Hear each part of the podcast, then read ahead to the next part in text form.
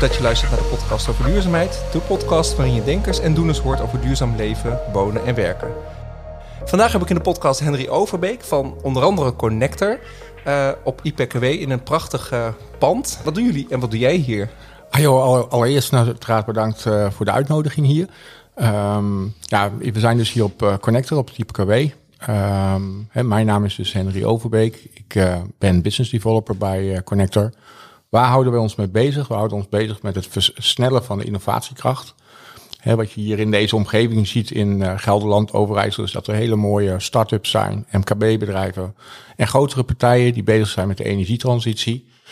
En dat heeft er eigenlijk toe geleid dat op een gegeven moment uh, ja, vanuit uh, de provincie en de gemeente en uh, OostNL, Kiemt, de Hogeschool Arnhem-Nijmegen het initiatief is genomen om hier op het IPKW aan de slag te gaan met Connector. En wat, ja, het, is, het is, ja, kijk nu naar achteren. Het is een enorme mooie open ruimte, ook met hele mooie hokjes om te werken. Boven nog een heleboel werkplekken. Ja. Hoe, uh, hoe, hoe, ziet die samenwerking eruit? Want er zitten een aantal bedrijven hier die zich echt hardcore met de energietransitie uh, bemoeien of bezig zijn. Uh, flexplek, flexplekken beneden. Ja, wat je hebt gezien is, is dat uh, toen ze met Connector aan de slag zijn gegaan, dat de eerste ambitie was om hier een innovatielab te ontwikkelen. He, dat is mhm. ook uh, de bouwwerkzaamheden die aan de andere zijde vandaag heb gezien, waar we druk mee bezig zijn. Waar we vanaf 1 januari 2024 met uh, 17.000 vierkante meter ruimte, bedrijven, organisaties, kennisinstellingen gaan ondersteunen. Om met name in die beginfase van een product of concept ja, stappen te kunnen maken gaandeweg kwamen we erachter van uh, dat daar ook nog wel een uh, andere behoefte is. Dus namelijk dat je gewoon met elkaar kan netwerken, dat je kan verbinden, gesprekken kan voeren. Uh, en daar is het Connected Shared Office voor opgezet. En dat zijn honderd flexibele werkplekken waar partijen die in de markt zitten samenkomen. Mm -hmm. Met name om te netwerken, kennis te delen. Een goed voorbeeld daarvan is bijvoorbeeld morgen hebben we de community heavy duty charging die samenkomt is een nieuwe marktontwikkeling die er is, waar nog best wel veel blinde vlekken zijn. En door met die marktpartijen één keer in de maand samen te komen, kan je die blinde vlekken zoveel mogelijk uh, gezamenlijk op gaan lossen. En daar hebben we het straks ook nog volgens mij over. Hè? Klopt. Want we hebben een, ja. uh, een mooie agenda. Ja. Um, e-mobility in Nederland, want dat is waar jij natuurlijk ook veel mee bezig hebt gehouden. Niet alleen bij Connector, maar ook volgens mij in je vorige Klopt. Uh, werkende leven. Ja, um, nou, misschien, misschien is het wel leuk om te vertellen, is dat uh, ik ben in de wegenbouw ooit uh, begonnen. Mm -hmm. uh, dus aan de asfaltzijde en dat soort uh, projecten. Ja. Um, in 2018 ben ik terechtgekomen bij Venema. Venema is een partij wat zich bezighoudt met het ontwikkelen en produceren van DC-laadsystemen. Um, ja, wat is het bijzondere, vind ik, aan de, de markt van laadinfra? Dat is, is met name de snelheid van innovatie en groei. Um, ja, wat hebben we in die periode kunnen zien? Toen ik in 2017 in deze wereld terechtkwam, was dat er heel veel blinde vlekken zijn. Mm -hmm. uh, producten die nog eigenlijk in een conceptfase waren, die uh, net tot de markt uh, toetraden. Wat voor producten zijn dat dan, onder andere? Nou, een goed voorbeeld. In 2018 ben ik betrokken geraakt bij Vehicle to Grid mm -hmm. technologie. Ja. Ehm, mijn domein energie, een partij die zich bezighoudt met energieproducten aan te bieden kwam met de vraag of we hun wou helpen bij het Deel de Zon project. Dat is een Vehicle to Grid project wat in Nederland en België speelde. Mm -hmm. Daar zijn we vanuit Venema mee aan de slag gegaan. Um, en wat we hebben gedaan is, is dat we een DC-laadsysteem hebben ontwikkeld, Vehicle to Grid. Uh, waarmee je uh, met de Nissan Leaf kon terugleveren naar een gebouw of bijvoorbeeld naar het net. Nou, dat is bijvoorbeeld een ontwikkeling waar je ziet dat uh, het gewoon een aantal jaren kost voordat dat volwassen kan worden. Mm -hmm. um, en dan komt de complexiteit ook meteen naar voren. Dat je natuurlijk te maken hebt aan de ene kant met uh, de netbeheerders uh, in de verschillende landen. Um, je hebt te maken met uh, de automotive industrie. Um, en wat, waar je ook uiteraard mee te maken hebt, is gewoon wetgeving die per land is. Hè? De solderingsregeling bijvoorbeeld heeft ja. heel veel invloed op vehicle to grid. ja, want ik, ik kan me nog herinneren dat ik in 2017 mijn Nissan Leaf kreeg met grote beloftes dat dat de auto is waarmee je uh, kan, kan terugleveren. Tot nu toe is me dat nog niet, uh, nog niet gelukt.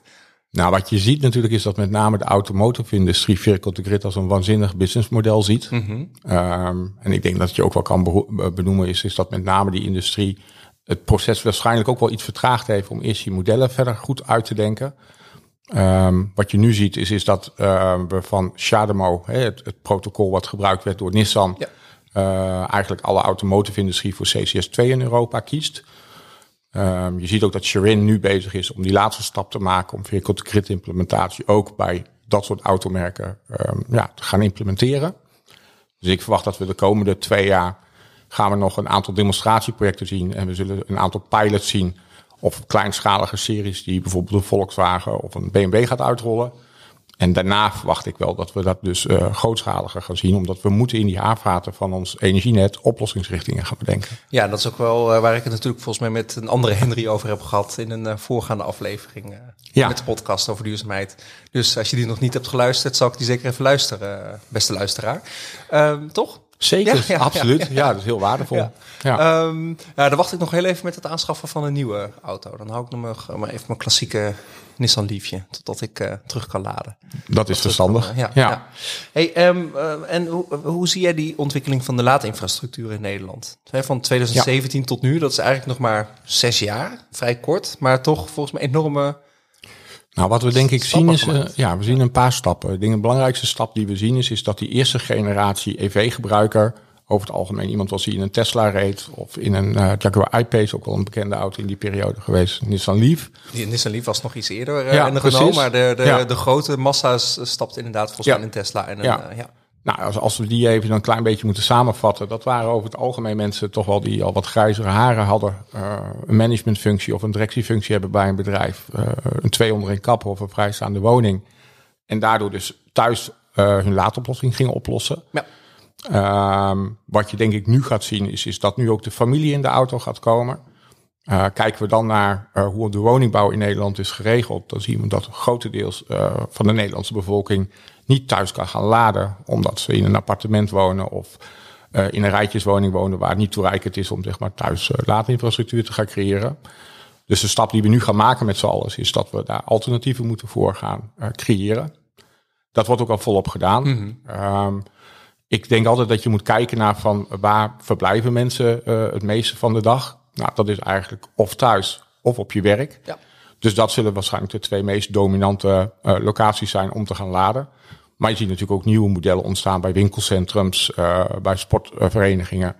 Uh, en we zullen natuurlijk altijd hebben dat je langs de snelweg ook laadsystemen moet hebben om uh, door te kunnen. En dan hebben we het over laadpleinen bij bedrijven. Of het, wat ik nu ja. natuurlijk zie is gewoon nog het, toch echt heel vaak een kabeltje over de, over de stoep toch naar de auto toe. Met al dan of niet een, een, la, een mat eroverheen.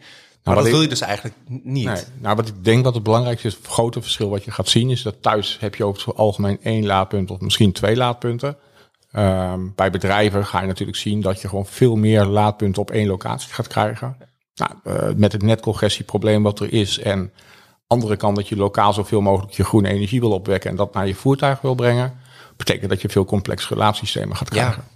Want dan heb je bijvoorbeeld een bedrijf met een enorm dak waar zonne-energie wordt opgewekt. En dat is overdag. Ja.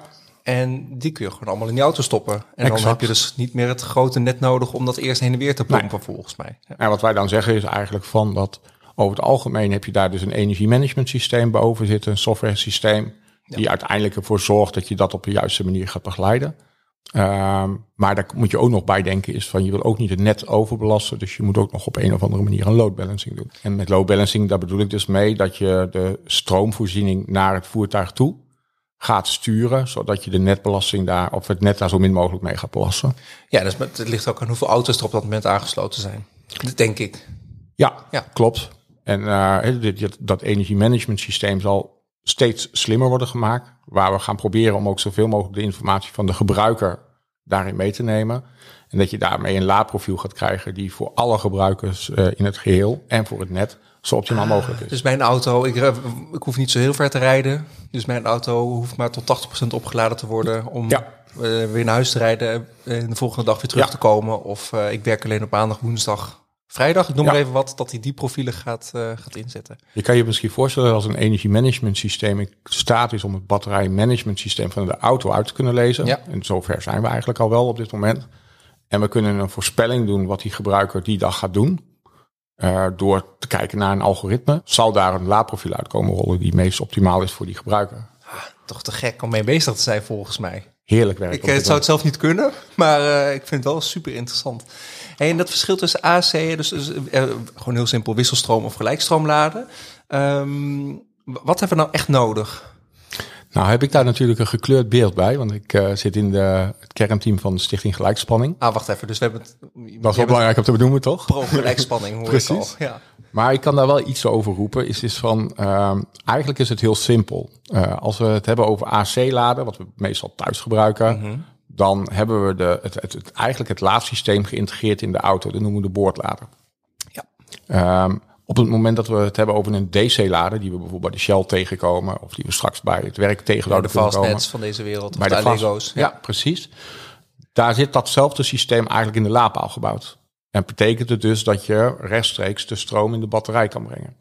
Dat heeft een aantal voordelen. Het allerbelangrijkste voordeel wat je hebt, is, is dat je als um, ja, eigenaar van uh, het laadsysteem of de infrastructuur uh, de baas bent over het proces. Uh, en dus niet afhankelijk bent van wat de automotive-industrie aan allerlei ja, dingen erbij bedenken mm -hmm. of dingen gaat limiteren. Ja. Ehm, dus wat je waarschijnlijk gaat zien bij complexe laadinfrastructuur, zal DC-laden toch wel de overhand gaan krijgen. En dat hoeft dus niet altijd te betekenen alleen maar met hoge vermogens. Nee, want dat, dat bedacht ik. Maar toen jij dit aan het vertellen was, dacht ik het ook gewoon DC-laden op 30 ja. kilowatt of 50. Nou, Mijn auto gaat niet verder dan 45, maar... Uh...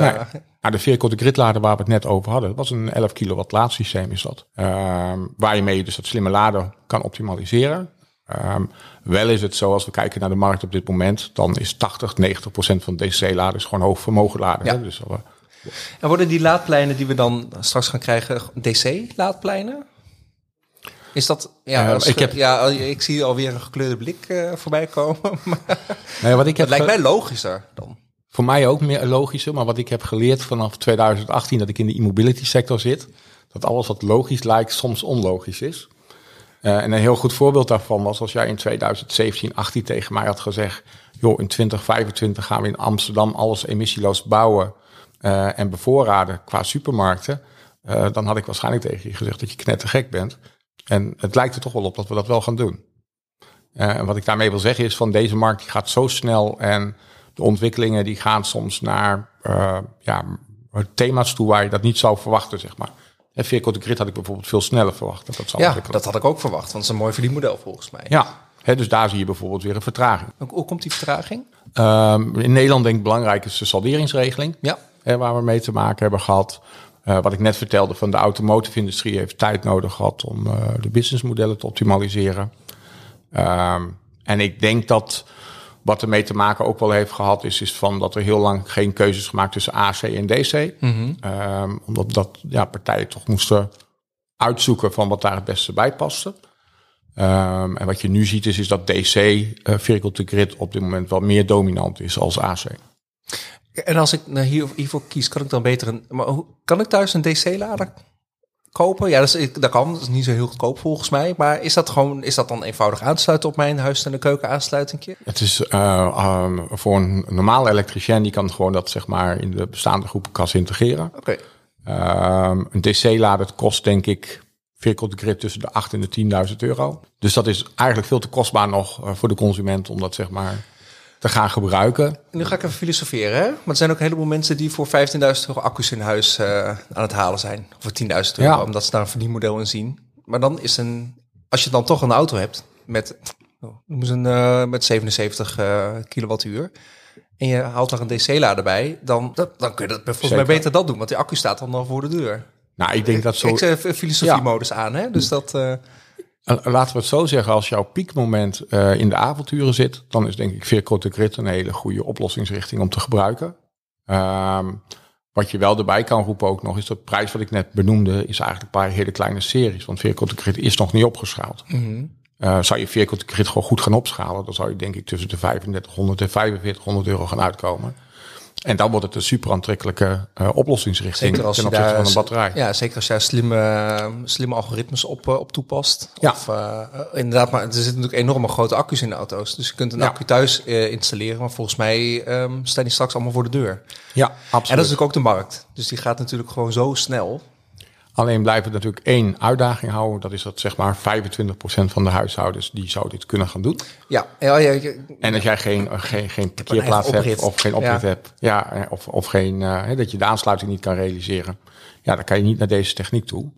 En daar komt toch wel iets naar voren, denk ik, wat ook wel op dit moment speelt. Dat is natuurlijk ongelijkheid in, uh, ja, ik denk eigenlijk in de hele energietransitie. Hè, want het is niet alleen, het heeft dat met tv-rijden te maken. Um, heeft ook met zonnepanelen te maken op exact, huis. Of, ja. Uh, ja, dat is de hele discussie die nu natuurlijk over die solderingsregeling uh, ja. gaat. Ja. ja. En ja, en, en, en, subsidies die er ook zeg maar zijn geweest in het verleden of, of nog misschien komen. Um, ja, je zal maar uh, een, een, uitkering hebben en in een woning zitten van de woningbouwvereniging waar geen zonnepanelen op zit, waar slecht geïsoleerd is en de gasrekening torenhoog wordt.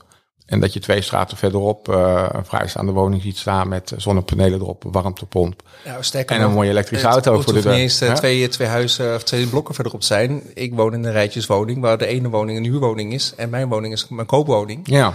Dat, daar zie je al een groot verschil. Ja, ja dat, daar ga ik binnenkort een podcast mee opnemen. Dat is nog niet helemaal zeker, maar uh, over die energieongelijkheid komt er binnenkort ook een, een podcast uit. Dus ik zal dit zeker, uh, dit soort dingen zeker meenemen. Ja. Ja, ja. Nee, maar dat is natuurlijk wel wat er gaat gebeuren. Ja. Hey, en dan heb je nog en die laadpleinen, um, hoe gaat het dan met kosten? Want um, je hebt in Amsterdam, betaal je twee keer zoveel om je auto op te laden dan in Rotterdam. Of, of andersom, ik weet het even niet meer. He, die, de, de, maar dat er lokale verschillen zijn. Ja, die lokale verschillen. Dat is, maar eh, sterker nog, in Arnhem heb je een grijze Allego-paal en een donkergrijze Allego-paal naast elkaar. Ik vertelde laatst tegen iemand, ja, dat scheelt de helft. Nou, kan je dat is niet uit te leggen. Nou. Hoe, uh, hoe, hoe zie jij dat? Of heb je daar een, uh, heb je nou, daar een mening over? Of? Zeker. Ehm, we zitten nog in een onvolwassen markt. En een onvolwassen markt betekent dat dat uh, variabiliteit laat zien. Um, ik, ik, ik, ik, hoorde op een uh, presentatie van de Intercharge. Dat is een, um, een evenement wat in Berlijn wordt gehouden jaarlijks. Waar eigenlijk alle softwarepartijen van de EV-wereld zeg maar samenkomen. Mm -hmm. Dat er meer als, uh, volgens mij meer dan 600 businessmodellen zijn als het gaat om laadinfrastructuur in Europa. Uh, nou, dat geeft heel goed aan dat daar eigenlijk nog een soort shake-out moet plaatsvinden. Um, wat wel uh, uit te leggen valt, is natuurlijk als ik uh, midden in het centrum van Amsterdam een laadvoorziening ga plaatsen, betekent dat ik daar een stukje ruimtegebruik gebruik. En dat de grondprijs natuurlijk in Amsterdam anders is als dat ik dat in Klaasiveen ga doen. Ja, maar nog, um, ik heb vorige week uh, geparkeerd midden in Amsterdam. Dat is ook echt de laatste keer dat ik dat deed. Want niet alleen kostte dat 6 euro per uur. Ja. Um, het laden was ook uh, twee, echt, echt twee keer zo duur. Dus ik uh, hield de laadpas ervoor. Ik was met, uh, met Danny. Ik zei, nou, weet je, ik haal mijn laadpas ervoor. En ik kreeg meteen de afrekening. Ik dacht, wow. Ja. Dat is wel echt, echt een groot verschil met wat ik, ja. wat ik hier in Arnhem aan de aanbesteden laadpaal betaal. Een van de dingen die daarin meespeelt, denk ik, is dat in Amsterdam, als je naar de kaart van de netbeheerder kijkt, is die knalrood. Ja. maar dat is eigenlijk willen we niet dat auto's daar gaan opladen. Ik denk ook dat in de. Nee, nou ja, wat, je, wat, uh, hè, wat ik denk wat je gaat zien, uh, en in Breda loopt daar nu een project mee, is, is dat je met uh, zelfrijdende auto's um, uiteindelijk natuurlijk naar een heel ander model toe gaat. Want dan zou je die infrastructuur aan de, zij, aan, de, aan de randen van de stad kunnen creëren. Ja. Kan je dat gaan optimaliseren en dan zou je dat op zo'n manier kunnen gaan doen. Ja, het is ook heel onhandig om midden in Amsterdam met een auto te gaan rijden. Dat, dat geef ik, Klopt. geef ik toe. Terwijl je bijvoorbeeld in de arena prima kunt parkeren, waar volgens mij al een aardig wat laadpalen staan. Uh, maar dat moet je veel meer gaan faciliteren en vertellen. En... Ja, nou ja, wat je natuurlijk ziet is dat, dat overheden uh, binnensteden autoluw aan het maken zijn. Um, ik ben zelf bij een ontwikkelaar betrokken geweest uh, binnen de ring van Amsterdam bij een project. Het ging om 475 appartementen die daar gecreëerd mm -hmm. worden. En daar waren geloof ik 70 parkeerplaatsen voor beschikbaar voor die 475 ja. woningen. Uh, dus betekent dat je een hele andere mobiliteits. Uh, ja, dat, dat, is, dat is daar ook wel volgens mij veel meer al aan de hand als ik het uh, zo een beetje begrijp. Dat je gewoon mensen veel minder met aan de auto gaan doen of veel meer met deelauto's. Of, maar dat betekent dus ook met laadinfrastructuur. Hè? Ja. Die, die, die, die, die, mensen gaan hun auto's toch, ja, als ze die toch hebben, ergens anders in de stad nog parkeren. Ja. en ga je dan al die 75 parkeerplaatsen uitrusten met een laadpaal? Uh, er was in dit geval, uh, dus gewoon Europese wetgeving. Uh, die zegt volgens mij dat je 10% bij de nieuwbouw moet je voorzien van laadinfrastructuur. Mhm. En de rest moet je voorbereiden op. Ja. Um, ik denk dat deze ontwikkelaar, omdat dit is een project dat in 2025 in uitvoering komt, die zal daar een middenweg in zoeken. Ja. Want dat zie ik, ik woon in Oosterbeek, er zijn appartementen gebouwd. Elke parkeerplaats heeft gewoon een laadpaal. Ja, nou, dat is heel vooruitstrevend. Ja, ja. ook. Dus, ja. Het is, ook daar moeten we mee opletten natuurlijk. Want we hebben niks aan dat als bijvoorbeeld de helft van de laadpalen niet gebruikt wordt. Dan kan je ze beter gefaseerd gaan uh, Ja, dat is nu, nu, volgens mij nog wel het geval. Ja, dus dan kun je ze beter een kabeltje af vastleggen en pas later... Uh, Aan de andere kant is wel, het, wat is het grote voordeel als je het wel meteen in één keer afmaakt? Uh, dat is natuurlijk, we bouwen nu ongeveer zeg maar 400, 500 laadpalen per dag. dat moet naar 1700. Ehm, nou, dat betekent dus dat daar een human capital vraagstuk ligt. En je ziet wel dat de stakeholders die nu hiermee bezig zijn, heel erg aan het nadenken zijn, maar kunnen we dat niet gewoon slimmer uitvoeren? En daar kan het misschien best wel slim zijn om op één plek bijvoorbeeld die 25 laadsystemen wel direct uit te rollen. En dan heb je bijvoorbeeld een Easy, hè, dus een, uh, een, laadpalenmerk, die mhm. heeft daar ook weer een oplossingsrichting voor bedacht. Die heeft gezegd van, hé, hey, ik, ik kan jou een systeem leveren waar je de behuizing al vast ophangt. Uh, en dan kan je een module systeem kan je erin klikken later om het systeem te activeren. Nou, dus echt de laadpaal die, uh, ja, de laadpaal staat er al met, met hoe het eruit ziet. Alleen je kunt uh, de stekker doet nog niks. De, zeg maar de, de, de, de componenten die je nodig hebt om het te doen. Dus je sluit alles aan. Ja. het is alleen de module er later inklikken en het systeem werkt. Ah, dat is cool. Kijk, en dat betekent dus heel concreet dat je heel veel tijdwinst mee kan bereiken. Ja. Ik zit nog weer even mijn filosofie-modus aan. Laadpalen neerzetten. Eh, volgens mij gaat bij mensen dan ook een lampje branden. Nee, ik heb al een laadpaal bij mijn appartement. Um, dan is de stap naar een elektrische auto veel makkelijker dan als je nog moet nadenken van kan ik wel opladen en dat soort dingen. Dus zien, laden, zien laden is ook gemotiveerd worden. Gemotiveerd worden, ja. ja. Wel is het natuurlijk zo, in Nederland is denk ik 80% van onze auto's zijn leaseauto's. Mm dus ik denk dat met name die verantwoordelijkheid bij bedrijven moeten liggen om, om die wagenparken te vergroenen. En volgens mij zijn ze daar ook volop mee bezig op dit moment. Ja. Maar dan, dat helpt wel. En dat helpt ook wel bij consumenten die bijvoorbeeld een tweedehands elektrische auto willen kopen. Dat het gewoon de stap naar opladen veel makkelijker is op, op een plek waar je niet een eigen, op, niet een eigen oprit hebt. Zeker, ja. ja. Hey, en die 400 laadpalen per dag, dat klinkt best al veel, hè?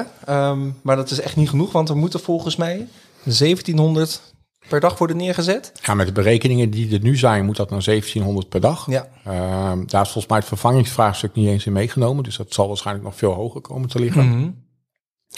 Wat we dus zien is dat er een verschuiving is van thuisladen ook naar andere locaties van laadsystemen. Dat vraagt om een bepaalde complexiteit. Ehm, en daarnaast is het natuurlijk het ook zo dat de monteur die je uh, inzet om een thuislader te installeren, dat is een andere monteur als die een DC-laadsysteem laat installeren. Dus er zijn twee verschillende op, opleidingen eigenlijk. Qua competenties. En moeten we dan evenveel DC als AC laadpaalmonteurs hebben? Even over dat human capital vraagstuk uh, Nee, ik denk dat ongeveer tussen de, eh, de, de 15 en 20 procent zal DC-laadsystemen zijn. Uh, het resterende deel zal AC-laadsystemen blijven. Um, wat je ziet is dat zeg maar, de monteur die je nodig hebt, moet twee dingen eigenlijk kunnen. Hij moet aan de ene kant het hardwarematige deel heel goed uh, snappen en uh, kunnen installeren. Maar hij moet ook een stuk softwarekennis hebben om uiteindelijk ook de intelligentie in de laadpaal te krijgen. Mm -hmm. um, en met name die combinatie zien we dat we daar toch wel mee zitten te stoeien. Um, vanuit Connector zijn we begonnen met het project Plug and Play. Er zijn mm -hmm. bijvoorbeeld de partijen als een Alpha zijn daarbij betrokken, een Unica is daarbij betrokken, um, hogescholen, ROC's. En die zijn dus nu bezig om zeg maar lesmateriaal te creëren. Uh, andere human capital oplossingsrichtingen te bedenken om die versnelling maar te gaan krijgen.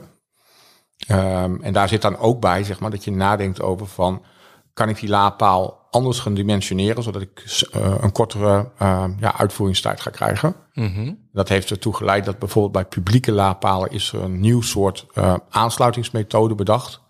En daarmee kunnen ze volgens mij um, de laadpaal een uur korter, in een uur korter neerzetten. Mm Dat is dus dat je de uitvoeringstijd met 25% hebt teruggebracht. Dat scheelt uh, aanzienlijk. Ik zat even na, ik zat even ja. te rekenen, maar dat, dat... Dat is, dat is natuurlijk op dit soort aantallen is dat natuurlijk heel veel ja. uh, mankracht wat ja. je daarmee bespaart. Hey, en um, hij moet zowel dat ding kunnen aansluiten, een kabeltje uit de grond, uh, heel even heel simpel gezegd, laadpaal uh, de, de, grond in, uh, de grond inzetten, aansluiten. En wat is dan dat softwaregedeelte wat zo'n monteur moet kunnen? Nou ja, je kan je voorstellen dat je, als we het hebben over complexere laadinfrastructuur, mm -hmm. dat je meestal te maken hebt met een energiemanagement systeem. Ja. Dus dan moet het laadsysteem moet zeg maar geonboord worden in het energiemanagement systeem. Ja, ze hebben het niet over gewoon één paal ergens in de grond, maar echt over een nou, het, het, zodra de, de, er gebruik wordt gemaakt van een energiemanagement systeem, en er wordt soms ook wel thuis van gebruik gemaakt, mm -hmm. uh, dan moet je hem wel onboorden. Ja. Dat is eigenlijk, of activeren. En dat kan in sommige gevallen heel eenvoudig en in sommige gevallen is dat wat complexer. Dus de, de en hebben we dan uh, technici nodig die voorheen uh, gewoon bruine handen van, van, van het graven en het laadpaal neerzetten, die moeten die software engineers worden of moeten software engineers ook met hun handen in de klei? Nou, wat, je wat, wat, wat, zie je het meest? Nou, wat we meestal zien is dat de elektricien gelukkig niet het grondwerk hoeft te doen. Daar hebben dan weer andere specialisten voor. Bij het thuis uh, installeren is dat natuurlijk weer vaak niet zo, want dan zijn het maar hele kleine afstanden, dus dan wordt het meegenomen. Ja. Um, maar het allerbelangrijkste denk ik van is van een, een, monteur moet weten van wat hij in die groepenkast aan het doen is. Hij moet een klein beetje weten van hoe de communicatie tussen het voertuig en de laadpaal zeg maar functioneert. hè, mhm. dat hij weet waar hij mee bezig is. En als laatste dus, hij moet hem kunnen onboorden op een energiemanagement systeem. En dat is ook al voor thuis. Een, dat, uh, als, uh, kijk, wat we zien natuurlijk is, is dat slim laden steeds meer uh, op komt ja, zetten. Absoluut. Um, flexibele energieprijzen. Uh, dus kom je, dan kom je eigenlijk met dat soort type systemen in aanraking. Uh, en ga je dus wel dat onboarden doen. En er zijn ook on, onwijs veel mogelijkheden om dat te regelen volgens mij. Dus je moet ook nog eens een keer verschillende systemen begrijpen. Of ja. als elektricien kiezen voor één systeem. Of als monteur kiezen voor, of als bedrijf voor één systeem. Nou, wat je ziet is, is natuurlijk dat bijna alle lapalfabrikanten hun eigen opleidingstrajecten hebben, zeg mhm. maar. Um, en wat je dus nu ook in het project Plug and Play ziet, is juist omdat we proberen dat wat uniformer te maken. Ja. En dat er gewoon HBO en MBO opleidingen gaan komen die uh, ja, onafhankelijk zijn van het merk. Ja. Um, en gewoon ook, wat ik denk wat belangrijk is van, we moeten voorkomen dat we een aap een kunstje leren, maar dat we wel degene die we in het veld hebben lopen, dat ze gewoon precies weten waar ze mee bezig zijn. Ja. Ah, is het interessant, want dat, dat wordt natuurlijk het grote vraagstuk van hoe ga je al die auto's, hè, want 1700 laadpalen per dag. Dat is een enorm energievraagstuk. Hoe ga je dat slimmer doen? En dan heb je inderdaad over dynamische energieprijzen, maar ook over kijken wanneer is het. Uh, ja, dat heeft met vraag en aanbod van, van energie te maken. Ik denk wat de, de hamvraag waar we het over hebben, is van hoe gaan we zorgen dat we op een betaalbare manier groene energie zoveel mogelijk lokaal richting een voertuig gaan krijgen. En zo min mogelijk het net daarmee belasten. Ja, en dat zijn natuurlijk de Zappi-laders nu voor thuis en de Easy, maar ook, uh, volgens mij kan Alphen dat, uh, dat ook. Ja. ja. ja. Als je dat maar goed kunt combineren met de software en... Uh, exact, ja. ja. En, de, en, de, het, en, en het aanbod van zon in dit geval. Solar, ja. ja. wind, hè. je bent hier net, toen je hier aankwam rijden bij het uh, IPKW, daar zie je vier windmolens staan. Ja, ik ja. had ze willen fotograferen, maar ik had toch nog redelijk haast. Dus dat is nog niet gelukt. Nee. Maar dat is natuurlijk met name voor het heavy duty charging en voor uh, plekken waar je gewoon heel veel vermogen nodig hebt, is het een ideale uh, oplossingsrichting. Ja, want altijd dat, dat, dat heavy duty laden, daar hadden we het in het voorgesprek al over. Er zijn natuurlijk gewoon, en we hebben het nu heel veel over gewoon auto's op de weg. Wat natuurlijk gewoon, wat dat betreft, klein, klein, even een heel klein spul is eigenlijk. Ja. Maar als je het over echt heavy duty laden hebt, straks misschien wel met, uh, met vrachtwagens die elektrisch moeten, moeten laden, maar ook, uh, jij zei bij warehousing of iets dergelijks. Ja, wat je natuurlijk ziet is, is dat we hele mooie ambities hebben in het klimaatakkoord opgenomen. Uh, het eerste deel wat we nu, als het gaat om EV-charging, wat we hebben gezien, is natuurlijk op uh, vooral personenvervoer gericht geweest. Wat we nu gaan zien is de volgende stap is natuurlijk dat we de commerciële vloten gaan krijgen. We gaan inderdaad dus krijgen van de logistieke sector, de, de last mile. Ja. Uh, waar heel veel gezondheidswinst te halen valt. He, Amsterdam heeft natuurlijk hele hoge uh, ja, luchtvervuilingswaardes gehad. Het zijn al een stukje minder geworden, maar dat mag nog wel een stuk omlaag. Mm fijnstofproblematiek. Denk ook vooral aan verkeersveiligheid, hè, voordat we zo meteen weer de stroom in gaan. logistieke sector, last mail. een van de dingen die daar heel erg speelt, is gewoon verkeersveiligheid. Dat moeten we op een andere manier gaan inrichten. Dat een gemiddelde postbezorger twee uh, incidenten per jaar heeft met zijn voertuig in een stad. Dat is niet normaal. Nee, nee. En dat is wel zo. Dus dat is wel iets wat we moeten oplossen. En daarnaast moeten we dus in die stad gaan zorgen dat we uh, met geëlektrificeerde voertuigen naar binnen gaan. In een stad wat eigenlijk al uh, over het algemeen net congestieproblemen heeft. want dat is niet alleen in Amsterdam, dat is ook in Rotterdam en Den Haag en Utrecht. Ehm, nou, wat je dus nu ziet, is, is dat de markt is heel erg bezig om daar oplossingsrichtingen voor te bedenken. Um, en waar, waar moet je dan aan denken? Nou, de netbeheerder is natuurlijk vooral bezig met uh, verzwaren. Mm -hmm. um, en aan het kijken van kan ik oplossingsrichtingen bedenken in de haarvaat van het energiesysteem. Um, en hoe los je dat dan op? Uh, het zijn eigenlijk drie of vier factoren uh, of vier oplossingsrichtingen. Mm -hmm. Eerst is gewoon gedrag. Gewoon zorgen dat je je processen anders gaat inrichten zodat je minder bewegingen gaat krijgen en dat je de bewegingen meer gaat uh, ja, uh, samenvoegen. En een voorbeeld, stel dat ik uh, vijf cafés in één straat heb zitten. wat we nu doen is, is dat we met vijf verschillende groothandelsbewijzen spreken die partijen gaan bevoorraden. Dat kunnen we op een slimmere manier oplossen, zodat we minder vervoersbewegingen krijgen. Het tweede wat we gaan doen is, is dat we eigenlijk gaan kijken van uh, dat we zoveel mogelijk elektrificeren. Dat uh, we gaan zorgen dat we de aansluitingen in het, uh, op, op, op stadsniveau gaan optimaliseren. Mm -hmm. en waar dat dan niet kan, dan moeten we met andere oplossingsrichtingen gaan komen. Denk aan bijvoorbeeld batterijsystemen ertussen. Nou, dat is een van de dingen waar de community nu heel erg druk mee Om die vervoersmiddelen op te laden, bedoel je dan? Ja, dat je dus zeg maar een drie keer 80 ampère aansluiting houdt. Mm -hmm. dus je houdt een kleinverbruikersaansluiting. Dat heeft een aantal voordelen voor de ondernemer. Dat je daar dan een batterijsysteem achter zet. Denk bijvoorbeeld aan een 500 kilowattuur batterijsysteem. Uh, waarmee je dan bijvoorbeeld twee uur het laadvermogen zou kunnen regelen. En dan bouw je daarachter bouw je je laadinfrastructuur op. Want het voordeel van een kleinere aansluiting is gewoon minder kosten, volgens mij toch? Ja, ja. klopt. Ja. Nou, en ik denk dat de derde oplossing is, en dan noem ik het even moleculen, noem ik bewust dus niet waterstof, maar dat mhm. we gewoon andere energiedragers moeten creëren uh, om langere termijn energieopslag ook te gaan krijgen. Ja. Um, en het vierde wat, wat, ik denk wat je gaat krijgen is, is dat we dus uh, alles intelligenter moeten gaan maken. En dat is eigenlijk wat ik straks al zei van als je de BMS-systeem bijvoorbeeld van een vrachtwagen kan uitlezen, dan kan je daar het proces ook op aanpassen. Ja, dan kun je zeggen van, en bedoel je dan dat, dat je uh, die vrachtwagen maar tot 80% hoeft op te laden? Um, om nou, als ritten te doen? Of? Stel dat die vrachtwagen die rijdt tussen Apeldoorn en Amsterdam elke dag op en neer. Ja dan moet hij over die A1 heen, dus kan hij vast komen te staan. Hij kan misschien van de snelweg af moeten gaan, om wat voor dan ook. Uh, dus hij kan een bepaalde vertraging krijgen. Die vertraging kan invloed hebben op van uh, de vertrektijd die hij daarna heeft. Uh, dus het kan wezen dat hij uh, langzamer kan gaan laden, omdat hij tijd bespaard heeft. Het kan ook zijn dat er sneller geladen moet gaan worden om uiteindelijk zeg maar ja. wel op die locatie te komen. Um, hoe meer ik de informatie erin krijg uh, wat uit, beïnvloed wordt door het net of door prijsomstandigheden op de energiemarkt.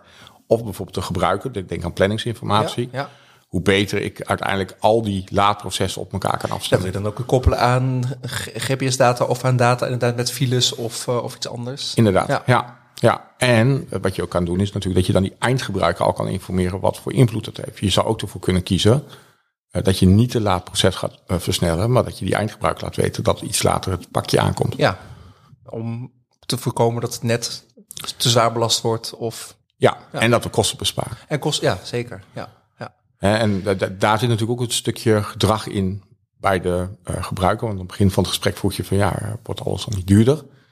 Uh, ik denk dat we moeten accepteren dat een pakketje niet kan weg worden gebracht voor de prijs dat het nu wordt weggebracht. Nee, maar volgens mij weet iedereen dat stiekem. Stiekem ja. wel. Alleen willen we willen, wil niet iedereen dat nog, nog, nog weten. Nee. En dat we de retourmeldingen, dat we dat gratis doen, dat is natuurlijk helemaal. Uh... Nou ja, en dat pakketjes. Uh, ik schrik er altijd van dat ik om, uh, om tien uur toch iets, toch iets bestel en dat het de volgende ochtend om tien uur staat. exact. Ja. Staat, ja. staat Paul, dat is ja. mijn postbezorger voor de deur met een pakketje. Dat had, dan denk ik, ja, dat had niet gehoeven. Nee. Dus ja. Inderdaad. Dus dat, dat zal denk ik wel wat gaan verschuiven. Ja. Super interessant. Ik snap dat Connector hier zit. Want er is nog een hoop te doen ja. in, in het land. Zeker. En, en daaromheen. Um, heb jij nog een aanvulling? Heb jij nog iets waarvan je zegt, nou, dat moet ik echt, uh, dat moet ik echt kwijt? Zit boordevol verhalen, dat, dat weet ik ondertussen. Ja.